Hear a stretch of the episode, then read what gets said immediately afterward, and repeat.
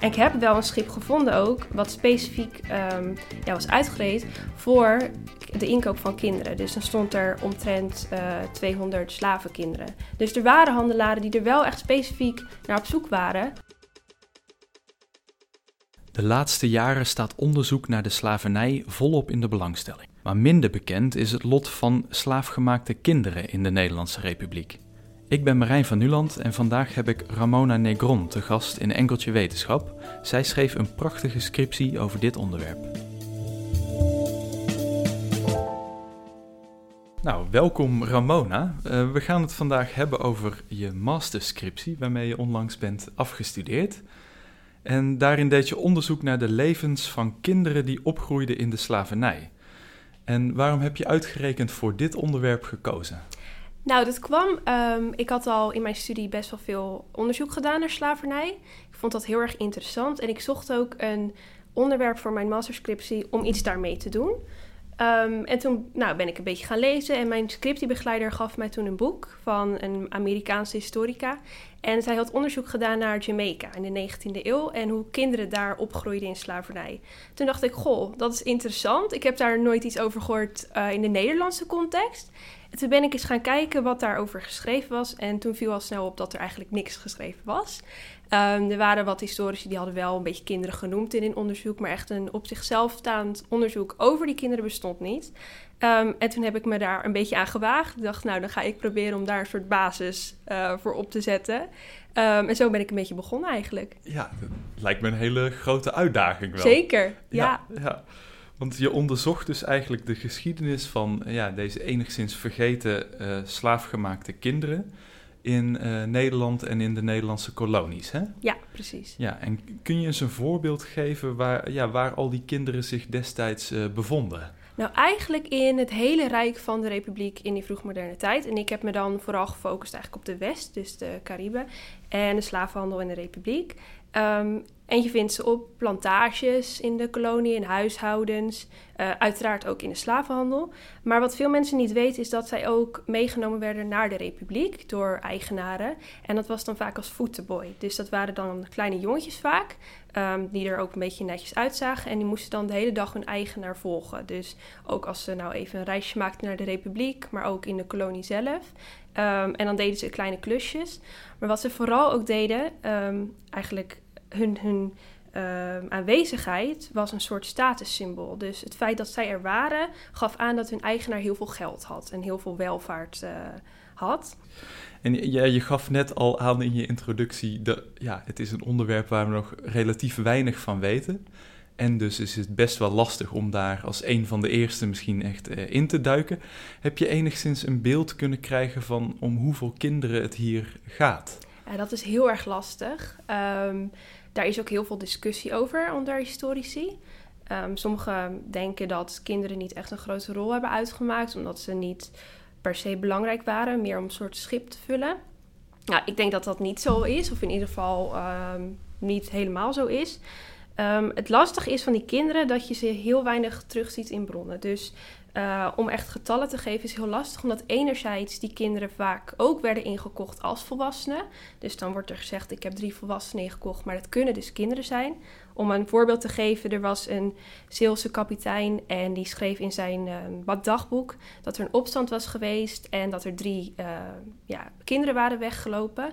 Maar die had hij ingekocht als volwassenen. Dus dat zie je dan niet terug direct in die bronnen.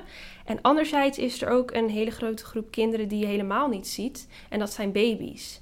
Dus er waren heel veel vrouwen aan boord die zwanger waren of werden en die bevielen dan van uh, kinderen. Um, en die zie je heel slecht terug in die administratie. En dat komt ook omdat die kapiteins daar eigenlijk geen interesse voor hadden. Want die konden uiteraard geen werk verrichten.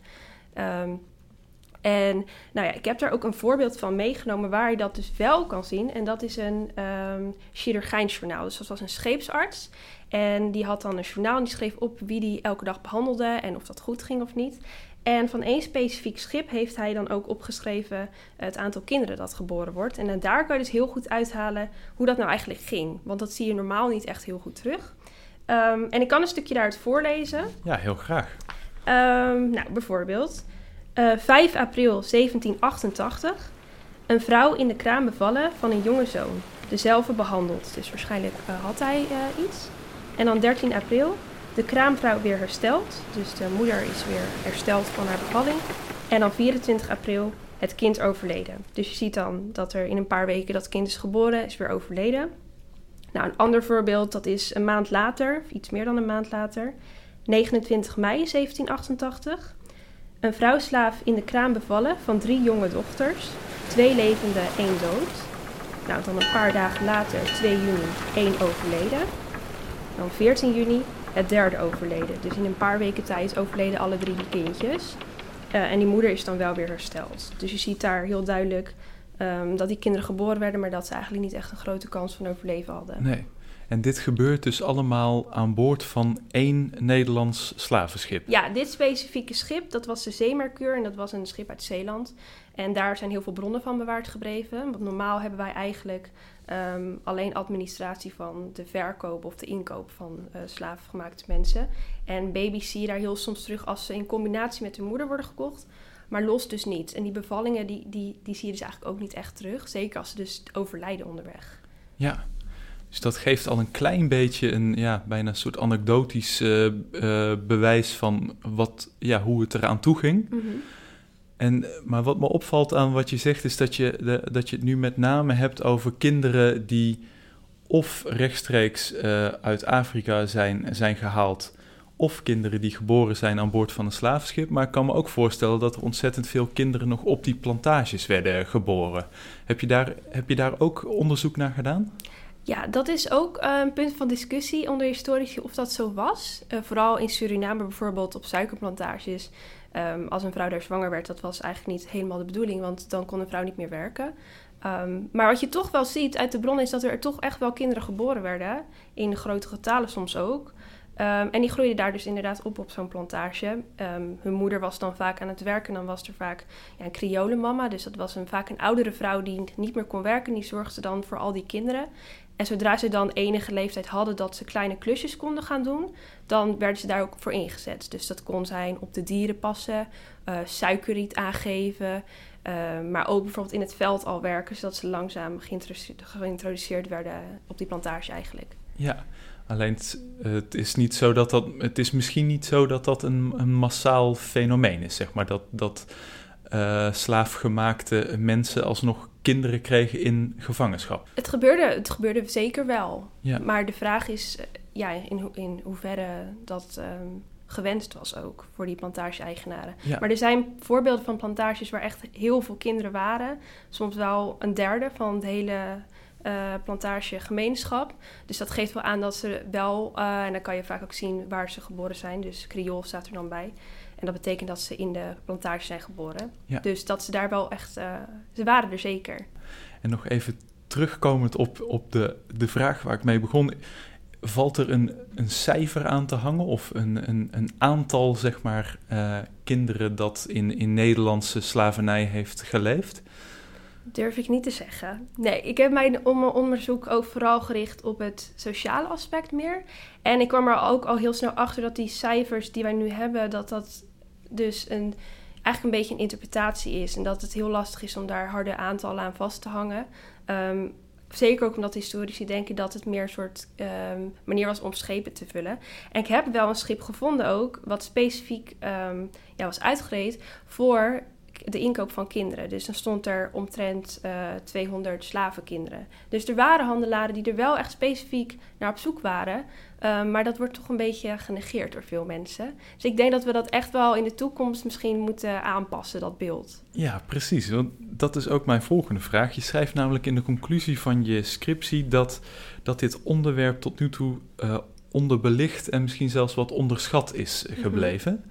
En waarom zou dat zo zijn? Dat heb ik me aan het begin ook heel erg afgevraagd. Want um, ik moet ook bekennen, toen ik zelf onderzoek deed hiervoor, dat ik, ik wist wel dat er kinderen in slavernij leefden, maar in mijn bronnen lette ik daar niet heel specifiek op. En toen ik dit onderzoek ging doen, toen viel me ineens op dat er zoveel bronnen zijn eigenlijk over deze kinderen, maar dan moet je ze wel uh, bewust zo lezen. En ik denk dat heel veel historici tot nu toe dat nog niet hebben gedaan. Um, zeker ook met het idee in het achterhoofd dat het niet heel belangrijk was, die kinderen.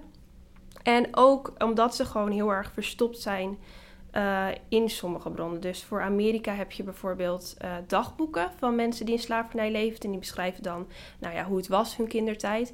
Maar voor die Nederlandse context hebben we die eigenlijk niet. Dus um, op, daardoor is het ook heel lastig om um, ja, te onderzoeken hoe zij nou eigenlijk hun leven, uh, hoe hun leven was als, als kind in slavernij. Maar goed, als je dus de bronnen die er zijn op een juiste manier bekijkt, dan is er echt wel genoeg te vertellen nog. Uh, zeker nog met de projecten die nu bezig zijn met archieven om dat te digitaliseren. Er komt van alles steeds naar boven. Dus ik denk dat we in de toekomst ook alleen maar meer kunnen gaan vinden. Ja, en je maakt natuurlijk ja, heel veel gebruik van oude documenten uit die tijd. En daarin, ja, in je scriptie geef je ook een beeld van het zware leven van deze slaafgemaakte kinderen. Hè? Zou je, en, en je zegt daarbij ook dat er een groot verschil is, wat je net al zei, tussen kinderen op bijvoorbeeld op plantages en kinderen die meegingen als statussymbool van hun uh, eigenaar, tussen aanhalingstekens. Um, kun je eens vertellen uh, aan de hand van een paar voorbeelden hoe, dat, hoe die levens eruit zagen? Ja, dus um, waar ik achter kwam is dat dat heel erg afhing van meerdere factoren. Dus bijvoorbeeld uh, of het kind uit Afrika kwam, dus uh, via de slavenhandel. Dat betekende vaak dat die kinderen alleen kwamen. Die waren vaak dan gekidnapt uh, zonder ouders in die slavenhandel terechtgekomen. Nou, dan kwam je dus in een plek terecht waar je en de taal niet sprak, maar ook geen ouders had of familieleden die je konden helpen. Nou ja, als je in de plantage of op de plantage zelf was geboren, had je dat misschien wel. En dan maakt het ook wel uit of jij een uh, vader had die in slavernij leefde, of bijvoorbeeld een witte vader, dus een directeur of een plantage-eigenaar. Dan had je in het algemeen iets meer kans dat je misschien vrijgemaakt ging worden, of dat je in ieder geval iets minder zwaar werk hoefde te verrichten. Dus dan mocht je bijvoorbeeld een ambacht leren, zoals timmeren of uh, naaien. En dan hoefde je vaak niet in het veld te werken.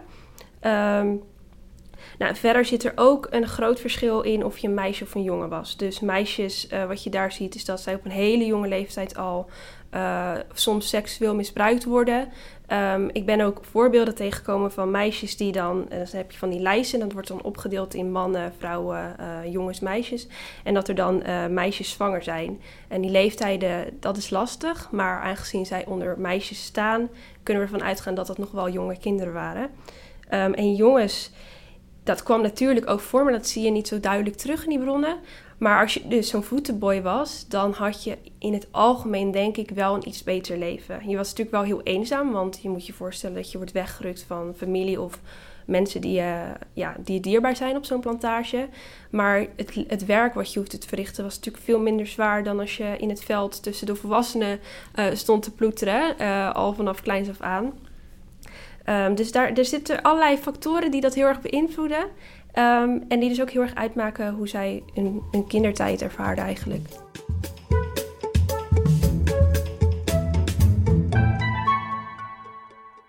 Het mooie is, in je onderzoek komt er ook af en toe een klein beetje hoop uh, terug.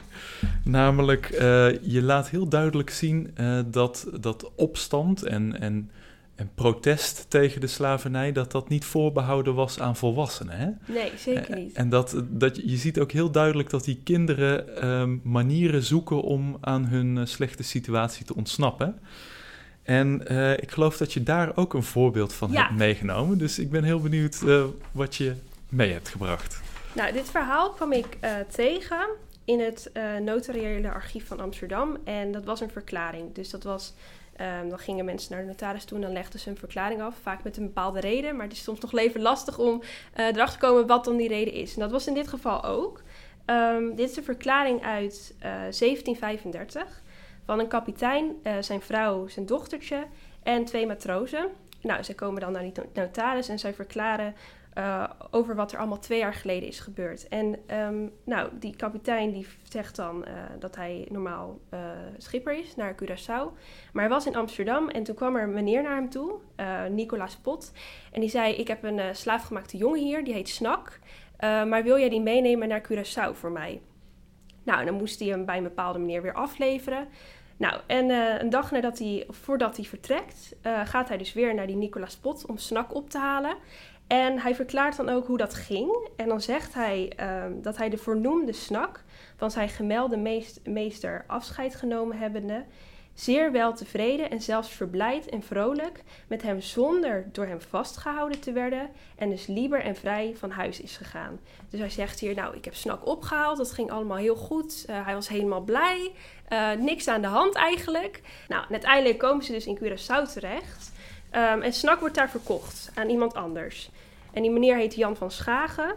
Um, en dan verklaart zij ook, um, die matroos en die kapitein weer, van nou, wij zijn heel vaak bij die Jan van Schagen geweest. En dan vertellen ze hoe het eraan toe ging. En dan zeggen zij dat zij nooit hebben gezien of vernomen dat dezelfde Jan van Schagen zijn slaven en particulier de vernoemde snak hardelijk of onbehoorlijk heeft gehandeld, maar in tegendeel met zoveel gemakkelijkheid en bescheidenheid als zelfs hier te landen een knecht van zijn heer zouden kunnen wensen of begeren. Dus hij zegt eigenlijk, nou, die situatie daar was hartstikke prettig, um, geen mishandeling of iets dergelijks, um, dus het ging heel goed. Ja.